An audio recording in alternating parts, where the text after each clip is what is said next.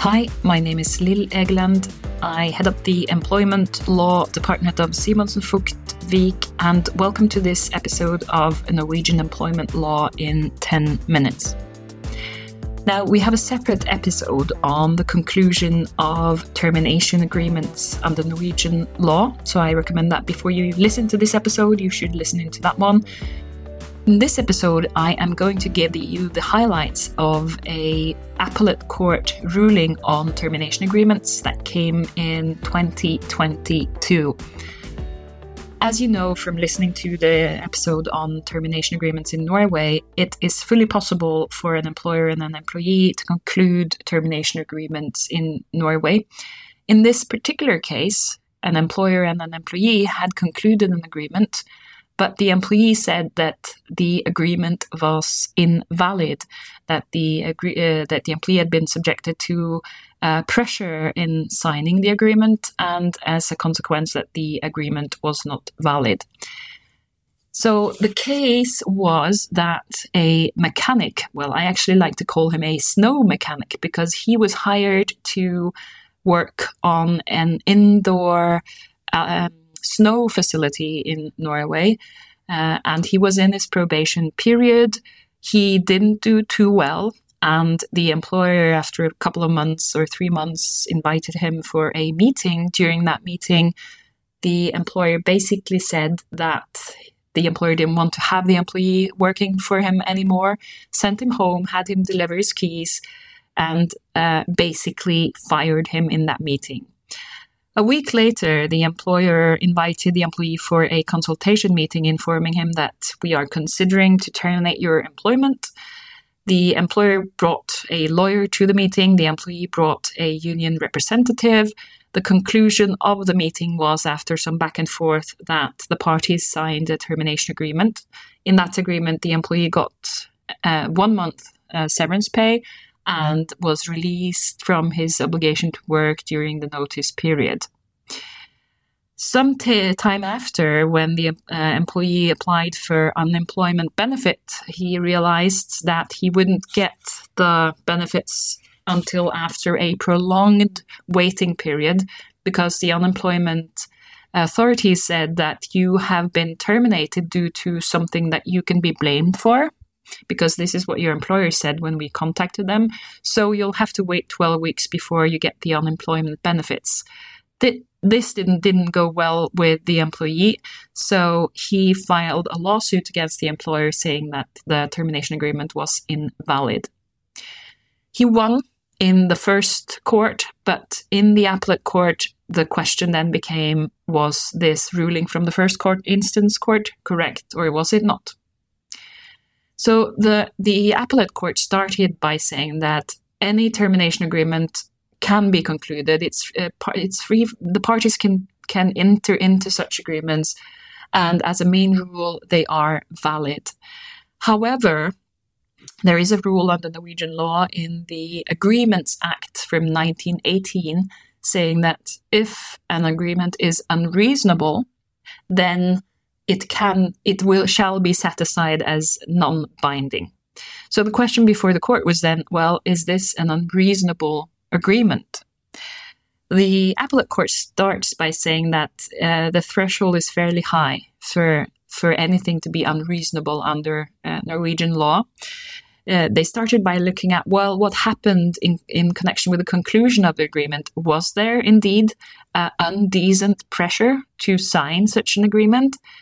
So the court went into the situation of the meeting between the employee and the employer, said that, you know, yes, the agreement was concluded during the meeting. However, the employee was represented by um, uh, a union rep.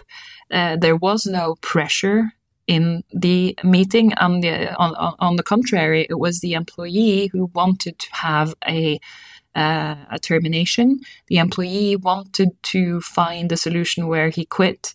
There was back and forth with offers three months, two months. They ended on one month. Um, so there was nothing in the um, in the meeting itself that was that indicated there was any pressure. The appellate court also said, in addition to this, we need to see uh, the relationship between the parties. Is there anything in that relationship that should indicate that this is an unreasonable and invalid agreement? Well, of course, there's a difference in strength between an employer and employee, the court says, but this will always be the case. It cannot imply that a termination agreement is invalid as a consequence. It also looked at the strength, the difference of strength between the lawyer of the employer and the union rep of the employee, but found that really in this case there was no difference uh, to talk of in the strength between those parties. Uh, uh, as a side note, it's quite uncommon and, a bit strange that this is um, even uh, looked at in the courts, but uh, in this case, anyway, the, the courts came to the conclusion that there was not a big difference in strength. Next, the court asked, well, is the content of the agreement unreasonable? The employee got one month. Uh, well, whether or not this is unreasonable depends on whether or not the termination would have been valid. If the termination is valid, well, then it cannot be unreasonable uh, for for for the employee to get 14 days extra.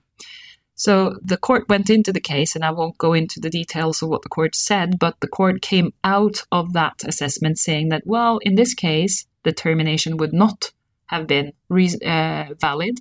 So uh, this would have been an invalid termination. However, the fact that the termination itself would have been invalid doesn't mean that a termination agreement in the wake of this um, process would be invalid because there are other elements we have to consider also. Okay, it says the court, it would have been an invalid termination. However, it is the employee who wanted to have a, a closure. Uh, the employee also gets 14 days more than he would have received in a termination case, termination, and he would not have been entitled to remain in his position. Furthermore, there's a benefit for the employee to be finished with the case anyway. So, in all, there were sufficient amount of benefits for the employee for this termination or for this termination agreement to be valid. So the conclusion after reviewing all of these elements was f- for the court that this was a valid agreement that could be upheld. So the the, the employee basically lost the case. Now, what can we learn from this um, court court case? Well, first of all, we can learn that if you're in a meeting with the employee or a conversation with the employee, and there's a talk of a termination, you shall never say to the employee that the employee is terminated. You should never um, give any indication that a final decision has been made. This is not something you should do until after you have had a formal consultation meeting with the employee where you've heard everything that the employee has to say and you've provided everything you want to say. And at that point, you're ready to conclude on a termination. And if you do, then you need to, to submit a formal letter containing a number of elements. So that's the first thing. You shall never say to the employee that the employee is fired.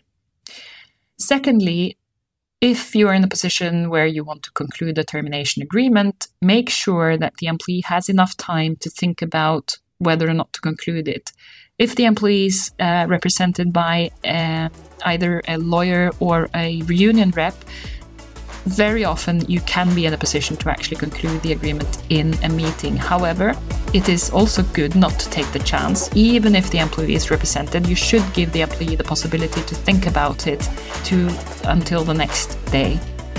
So those are two takeaways from this court case. I hope you've learned something more about termination agreements in Norway. Enjoy the rest of your day and uh, come back for our next episode.